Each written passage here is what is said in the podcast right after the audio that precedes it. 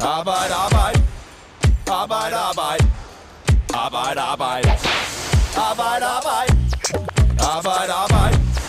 Arbejde, arbejde. Arbejde, arbejde. Arbejde, arbejde.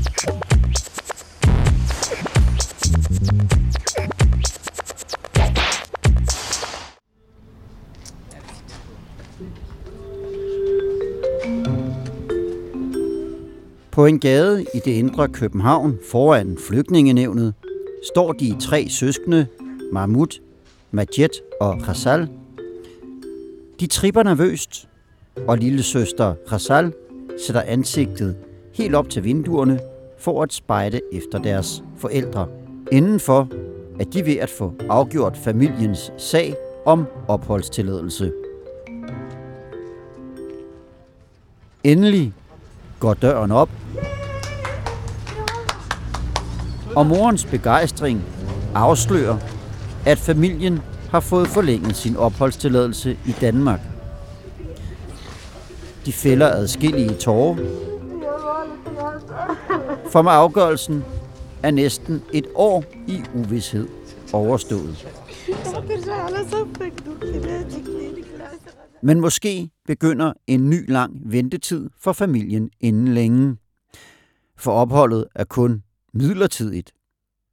Danmark er, sammen med Ungarn, det eneste land i EU, der stadig mener, at Syrien er et sikkert land at vende tilbage til. Arbejde Arbejde handler i dag om familien Spinati, der efter otte år i Danmark kæmper for at beholde deres liv her, hvor de føler sig hjemme og har gode job.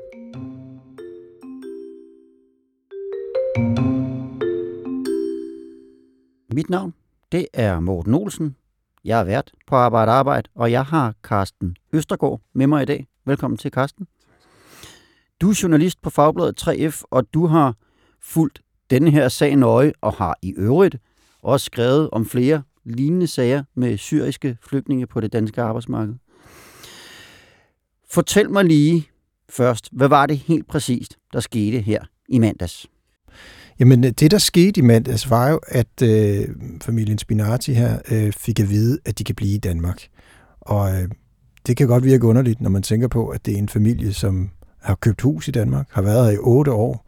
Øh, fire af de, de voksne personer i familien har, har job på samme virksomhed, og de er sådan set øh, meget vældige øh, der, hvor de kommer fra. Men øh, de fik simpelthen at vide, at de kunne blive, efter de først havde fået at vide, at de ikke kunne blive i Danmark for et, knap et års tid siden. Så, så den afgørelse betyder så, at vi, vi har med en familie at gøre, der var jublende lykkelig, som vi også kunne høre på det her øh, korte bånd, men som samtidig også kunne slippe en byrde, de har båret på i, i hvert fald et år, hvor de har været bange for at blive sendt tilbage til Syrien eller i udrejsecenter, som man også gør herhjemme. Mm. Som sagt, så har vi jo fortalt om flere lignende historier om, om, om syriske flygtninge. Hvorfor er det, at Fagbladet beskæftiger sig så meget med det her emne? Jamen det gør vi, fordi det er arbejdsmarkedet. Fordi de her mennesker kommer ind på et dansk arbejdsmarked, er en del af en dansk øh, virksomhed ofte, altså ofte industri.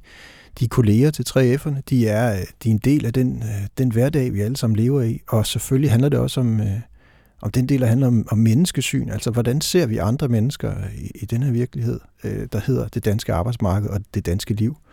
Vi snakker om en familie på fire personer, øh, som, eller undskyld, på fem personer, hvor, hvor et, øh, de tre øh, voksneste af dem har fast job øh, på det, der hedder Sandistål øh, i Bilund. Og de lever et liv, som, som stort set er så dansk, som det kan være. Ikke? De har købt hus i Sønder Omme, øh, lidt uden for, for Bilund. De, er, de har ligesom et, et liv, der er, der er utrolig dansk. De hedder så bare noget andet til efternavn, og taler måske lidt gebrokken dansk. Inden vi går videre, fordi vi kommer til at høre meget mere om alt det, du, du, du står og fortæller her. Inden vi går videre, så lad os øh, kigge lidt tilbage på familiens historie.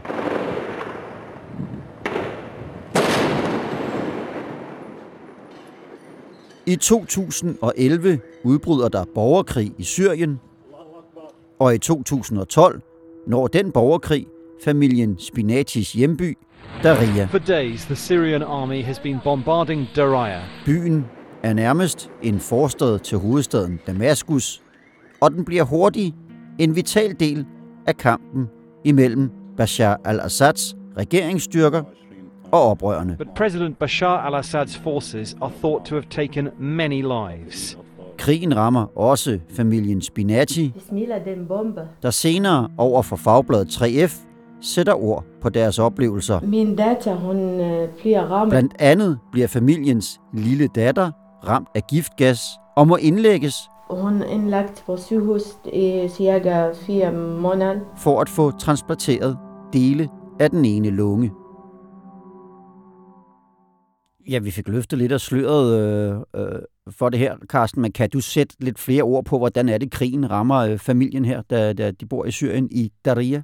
Ja, Daria er jo kendt øh, i, i de fleste kredse for øh, flere ting, men mest af alt, at det bare er en sønderbumpet, øh, efterladt skygge af en by øh, i dag.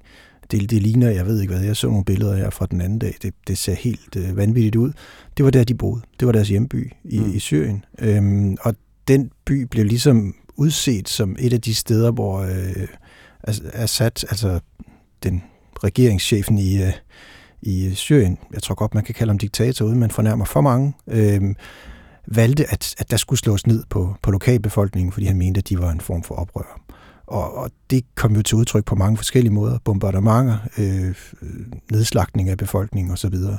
Øhm, og midt i det står den her familie så og skal finde ud af, hvad fanden de skal gøre af sig selv. Jeg undskyld, jeg banner, men det er jo ikke noget nemt vel, når man bor i et land, der, der er ramt af en, en større omgang krig. Så, så øh, de bor altså det her, de, øh, de fortæller om, hvordan deres, deres hverdag er påvirket af, hvad der foregår. Altså soldater alle steder, der tjekker deres papirer, bomber, der falder, øh, venner, de kender, der bliver slået ihjel. Øh, Mahmoud, den ældste søn, der er 28, fortæller om, hvordan han går i skole. Så ser han lige, der ligger langs vejen. Øh, han skal, altså han er sådan set i, i risikozonen for hver dag, når han går til skole og tilbage igen for at forsvinde. Og, og det, det er den virkelighed, de lever i til dagligt. Og på et eller andet tidspunkt undervejs, siger det er det nok. Vi skal væk herfra. Det, er dem, øh, altså det der, der virkelig skubber dem ud over kanten til at sige, at vi skal væk herfra, det er jo det er to, det er to bestemte ting. Den ene er, at, øh, at deres familie, øh, deres, hvad er det, Samira, altså morens øh, niece, dør i et bombeangreb, øh, hvor hun simpelthen, altså hele deres køkken bliver blæst væk, og så, så dør hun også. Hun var mor til tre børn, var 25 år gammel.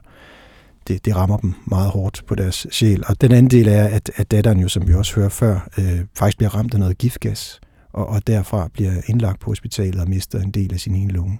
Øhm, simpelthen, og ja, hun ligger indlagt i fire måneder, som vi også hører. Og det er vel en datter, der på det her tidspunkt er omkring fire år gammel. Ja, hun er fem eller seks på det tidspunkt, ja. Okay. Øhm, så, så hun er meget lille. Mm. Og, og derfra, så, så tager de beslutningen, og så, så er det jo, at, øh, at først faren Bashir, han, han flygter til Europa. Mm. Og hans rejse er, er i sig selv ganske klassisk for de her flygtninge. Altså det er turen igennem de næboliggende lande, og så er det hen over Middelhavet øh, på en båd, hvor de så øh, sidder 600 mennesker på en båd, der kun skulle have 200. Så deler de undervejs på rejsen op i mindre, så de ikke så dem kan blive opdaget, når de nærmer sig Italiens kyst. Så- Så de 600 mennesker bliver delt op på tre både, med 200 på hver. Det er kun Bashirs båd, der når frem. De to andre, de forsvinder. Øh, og efter det, så bliver han så, øh, kommer han til Danmark via det system, der så er. Hans søn kommer øh, et lille år senere, øh, også som flygtning, tager den samme rute, og er faktisk lige ved at blive vist tilbage til, til Syrien på grænsen mellem Syrien og Libanon, hvor han står, og, og der er sådan en grænsevagt, der står bare og udpeger folk, han ikke lige synes ser sjov ud, og så sender han dem tilbage igen. Nogle får lov til at blive, nogle bliver tilbageholdt, og andre skal betale penge for at komme videre til næste punkt. Altså den der måde at komme igennem videre op til Danmark på, er jo ganske klassisk. Men de ender jo i Danmark, hele familien, på fem personer, mor og far, to voksne sønner og en datter. Sønnerne var ikke helt voksne på det tidspunkt. Men lad os lige høre, hvordan de så får bygget et liv op her i Danmark. I 2014 kommer familien Spinati til Danmark. De får et hus i Sønder Omme, godt og vel 20 km fra Bilund. Og faren, Bashir Spinaci, bliver ansat på Sandistål i Bilund som en del af et integrationsprojekt. Og senere bliver hans kone Samira og sønnerne Mahmoud og Mayet også ansat. Tidligere i år besøgte fagbladet 3F arbejdspladsen, hvor de elsker at være og er meget vellidte. Jeg kan jo huske, dengang jeg lærte det op, jo. Ikke? Hvor meget, meget lærenemt. Ikke? Ja. Ja. Her er det Samira i samtale med en kollega. ja. Og vi har det sjovt. Ja. Ikke? Nogle gange. Og for Sandistål og andre virksomheder er de syriske flygtninge vigtige, fordi der er mangel på arbejdskraft. I september sidste år er daværende udlændingeminister Mathias Tesfaye på besøg på Sandistol. Han roser virksomheden for sin integrationsindsats, og han taler med Bashir og Mahmoud, som han roser for at komme i arbejde i Så han Danmark. var lidt øh, overrasket over vores familie.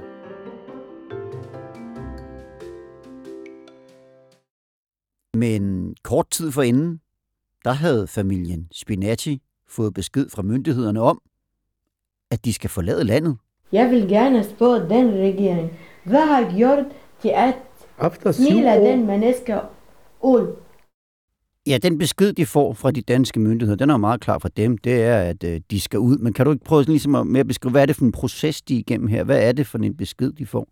Jo, altså i 2019, der vælger øh, regeringen, øh, den socialdemokratisk ledede regering, at lave om på de, øh, den måde, man ser flygtninge fra Syrien på. Eller sådan set fra alle lande, men, men Syrien er dem, vi har fået flest af, så det er også dem, det, det ligesom rammer.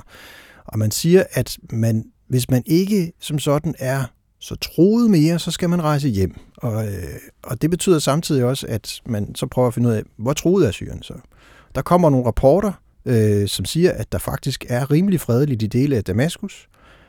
Der er en masse NGO'er, altså øh, forskellige hjælpeorganisationer, der siger, at den rapport, den passer ikke. Men, men øh, det er stadigvæk det, som de har valgt at, at være udgangspunktet, og det betyder så, at man laver det, der hedder Projekt Damaskus, hvor man gerne vil sende omkring, man vil gerne tjekke omkring 1200 syres øh, sager, og finde ud af, hvor mange de så kan sende tilbage til Syrien. Og det er det, de bliver ramt af her. Det er, det er den proces, man så har været i gang i siden. Jeg ved, man har gennem igennem 1100 sager nu, øh, og cirka 40 procent af dem har fået at vide, at de skulle, de skulle så øh, udvises fra Danmark. Altså, de har ikke brug for at blive beskyttet mere, fordi man mente, der var sikkert i Syrien. Det er jo kun Danmark og Ungarn, der mener, at det er sådan. Alle andre lande i Europa, ja sådan set resten af verden, mener ikke det tilfælde. De sender ikke folk tilbage til Syrien. Men øhm, det gør man altså fra Danmarks side. Man, man vælger sådan set at sige, at I, ikke, I har ikke brug for vores beskyttelse mere, I er ikke flygtninge mere, I er bare I er gæster. Og, og dem, dem er der ikke lige plads til, så I skal altså tage hjem. Det kan virke lidt mærkeligt, at de står på deres arbejdsplads over for en minister, der roser arbejdspladsen og roser dem for den integrationsindsats, de sammen har lavet. Kort tid efter, at hans egen styrelse har afgjort, at de skal rejse ud af landet. Ja. Hvordan havde de det med det? Jamen, det havde de det svært med. De, de prøver jo på at spørge til Svej lidt ind til det, øhm, og han svarer ikke rigtigt, som jeg forstår det. Han, altså, det, det bliver lidt en, en, en svær samtale, for han står jo også ude på sådan et pressebesøg, som vi nok kender, at ministre gør. De tager ud og trykker hånd med nogle mennesker og siger, hvor er I dygtige? Det er helt normal adfærd, det må man selvfølgelig gerne også snakke med folk og, og alt muligt andet. Men det bliver sådan lidt akavet situation, fordi ministeren jo altid vil henvise til, at der er en styrelse, Udlændingsstyrelsen, som tager sig af sagerne, han skal ikke blande sig i enkelte sager. Selvfølgelig. Og så skubber han det fra sig, og så er det der, den ligger. Men det er jo en politisk beslutning, at vi gerne vil sende øh, flygtninge tilbage til, hvor de kommer fra, øh, efter en periode, hvis vi mener, der er fred. Det kan der være god logik i måske, men i det her tilfælde er der jo så bare måske ikke så meget fred i Syrien. Nej, fordi nu havde de muligheden for at anke den her afgørelse, som de jo så også gjorde. Men hvis vi lige leger med tanken om, hvad det var for en verden, der ventede dem, hvis de øh, rejste hjem, hvad, hvad, hvad var det så, de kunne se frem til? Ja, altså det er jo omstridt, men, men øh, det er meget interessant, fordi for jeg tror, det er tre måneder siden, i maj måned, der kom der en ny rapport fra Udlændingsstyrelsen. Og det er jo altså dem, der står for at afgøre, om flygtninge i Danmark de kan sendes tilbage til, hvor de kommer fra eller ej. En ny rapport, der handlede om Syrien og om det område i Damaskus og omkring Damaskus, øh, som den her familie kommer fra, hvor man tidligere har sagt, at der var sikkert for folk at komme tilbage til. Nu skriver de i den nye rapport, at det faktisk ikke er sikkert at sende folk hjem, fordi det er fuldstændig tilfældigt, hvem der bliver forfulgt, når de kommer hjem. Hvem bliver udsat for vold? Hvem bliver udsat for voldtægter? Hvem bliver udsat for afpresning? Hvem bliver fængslet? Hvem bliver udsat for tortur? Det kommer simpelthen an på, hvem de lige møder. Der er jo ofte, i Syrien er der flere forskellige grupperinger, som kæmper om magten i, i mange områder, også i Damaskus-regionen. Og, og de forskellige grupperinger kan have forskellige øh, måder at se på de folk, der kommer tilbage på. Nogle ser dem som en måde at tjene penge, andre ser dem måske som nogen, der det, det er gode for samfundet. Men de kan altså risikere alverdens forskellige former for, for forfølgelse, også selvom de måske ikke har været specielt aktive i at, at frasige sig øh, Assads styre, eller været øh, højlytte modstandere af, af den syriske regering. Og hvordan har de det selv med tanken om at skulle tilbage? Jamen det, det vil de ikke. Det er, det er ikke en mulighed. Det er slet ikke noget, der ligger dem på sinde. Det kan ikke lade sig gøre. Altså, Bashir selv siger på et tidspunkt, siger bare, nej, nej, nej, nej, nej, nej, nej, det, det kan jeg ikke. Altså, det, det kan vi ikke. De har jo mistet det liv, de havde fuldstændig dernede, og de har bygget et nyt op i Danmark. Det er klart, at det vil de gerne beholde, hvis det kan lade sig gøre, men også vil de jo gerne beholde deres liv. Som vi ved ikke, hvad der sker med folk, der bliver sendt tilbage. Det kan jo være forskelligt fra det ene sted til det andet, og hvem det er. Men der er jo en risiko. Der er en risiko ved at tage tilbage. Det siger Udlændingsstyrelsen selv. Mm. Man kan sige, det er ikke den første syriske familie, som vi laver podcast om, øh, som befandt sig i, en, i sådan et limbo længe før den endelige afgørelse kom. Hvor mange er der af de her sager? Jamen, der er jo mange. Altså, der lige nu er der 300 verserende sager i Udlændingestyrelsen, som de er i gang med at kigge på. De skal så sendes videre til, til flygtningenevnet, som ligesom er den eneste ankeinstans, der er. Den, de var i i mandags, Spinati-familien, øh, som så kan kigge på, hvad Udlændingsstyrelsen har sagt. Og, og lige nu er tendensen faktisk, at de fleste af dem øh, får at vide, at de stadig er troet nok til at skulle blive i Danmark og blive beskyttet. Jeg tror, de seneste tal for, det, for halvåret 2022, altså fra januar til, til juni, der var det omkring 71 procent af de sager, der endte i flygtningenevnet, der blev omgjort. Det er jo, det er vanvittigt højt tal. Altså, normalt skal en styrelse som Udlændingsstyrelsen lytte til, hvad flygtningenevnet siger. Ligesom hvis, hvis højesteret fortæller dig, at den, den form for dom, I har lavet i byretten og landsretten er forkert, så retter man ind efter det. Så begynder man at ændre den måde at gøre det på. Men i det her tilfælde, der er tallene for, hvor mange, der får lov til at blive i, i Danmark bare steder og steder og steder, fordi flygtningerne bliver ved med at omgøre sagerne fra Udlændingsstyrelsen. Så det er sådan, at selvom vi har en officiel politik om, at Syrien er et sikkert land at vende tilbage til, så er det for langt de fleste faktisk lov til at blive, når de kører deres sag igennem systemet. Ja, det gør de. Og, og så skal man jo spørge sig selv, hvorfor er det så, vi gør det her? Fordi hvad er det, vi får ud af det? Vi snakker om nogle mennesker, som jo i det her tilfælde, der er selvfølgelig forskel på folk, men i det her tilfælde og de andre, vi har snakket om, der, der er mennesker i arbejde. De har et job, de passer et, et dansk liv, de har købt et hus, de, deres børn går i skole og gymnasie. Øh, altså, de lever sådan set et velfungerende liv, ligesom vi andre gør. Men vi sender dem igennem en periode på, i det her tilfælde 11 måneder, hvor de skal vente på at få afgjort, om de så kan blive i Danmark eller ej. Og de, de, de skal jo overveje alt i deres liv. Hvad skal vi gøre? Hvordan kan vi komme videre herfra? Er der nogen måde, altså, skal vi, skal vi tilbage til Syrien, eller skal vi nægte at tage tilbage? Og konsekvensen af at nægte at tage tilbage er jo heller ikke specielt spændende. Så ender man på udrejsecenter. Og jeg har besøgt et udrejsecenter. Jeg ved godt, hvordan de ser ud. Det er ikke et sindssygt fedt sted at være. Altså, der kommer du til at bo sammen med, med andre flygtninge, som, som heller ikke kan rejse ud, simpelthen fordi de er, de er truet. Du må ikke arbejde, du må ikke gå i skole, du må ikke studere, du må ikke tjene penge, du må ikke eje et hus, det skal du sælge, hvis du, hvis du ryger på udrejsecenter. Og du må ikke øh, komme ud derfra, medmindre der er nogen, der har fødselsdag, du kender. Så kan du måske lige få lov til, lidt ligesom et fængsel, at forlade stedet og komme ud øh, en enkelt dag og så tilbage igen.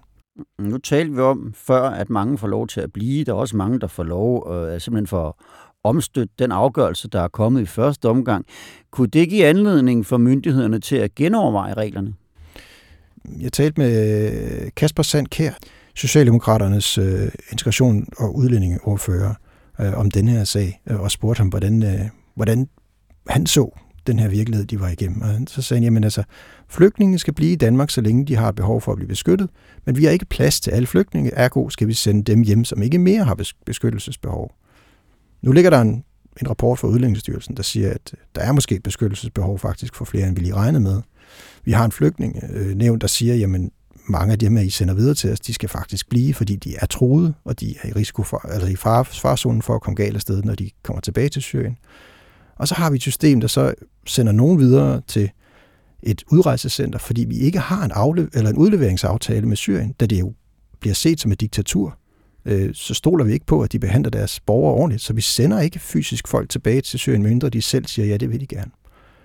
Og så ender de her mennesker med at blive en udgift for det danske samfund, for det koster altså 300.000 kroner per person, man sender på udrejsecenter i Danmark, og sidde der i, i et år. Ikke?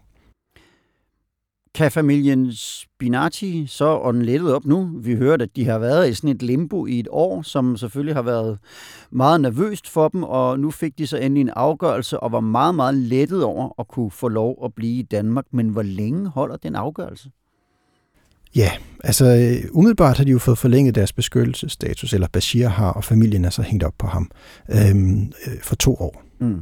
Så det vil sige, altså hvis, hvis alt gik som det plejede, så skulle det vurderes igen om to år. Så skulle mm. Udlændingsstyrelsen kigge på dem en gang til, så kunne det være, at man ikke synes, at der var det samme behov for beskyttelse, og så kunne de risikere at skulle tilbage til Syrien igen. Mm. Nu er det så sådan, at øh, Bashir faktisk har været i Danmark i otte år øh, her i september. Han kom i september 14, så vidt jeg husker. Mm. Og øh, så er der gået otte år. Så må han søge om permanent opholdstilladelse. Mm. Og så kan familien få lov til at blive. Så hvis alt ender, som man kan forvente, så får de formentlig øh, permanent opholdstilladelse igennem Bashir, og så kan, så kan de blive sammen i Danmark, i Sønderomme. De kan passe deres job, de kan, de kan bo, øh, hvor de gør i deres hus, de kan gå i skole og gymnasium og blive øh, lige så danske statsborgere som dig og mig. Carsten Østergaard? Ja. Tusind tak, fordi du kom. Man kan læse flere artikler om familien Spinati inde på Fagbladet 3F's hjemmeside. Og her i Arbejde Arbejde er vi naturligvis tilbage med et nyt aktuelt emne om en uges tid. Ha' det godt, til vi høres ved igen. Arbejde, arbejde. Arbejde, arbejde. Arbejde, arbejde. Arbejde, arbejde. Arbejde, arbejde. Arbejde, arbejde. Arbejde, arbejde.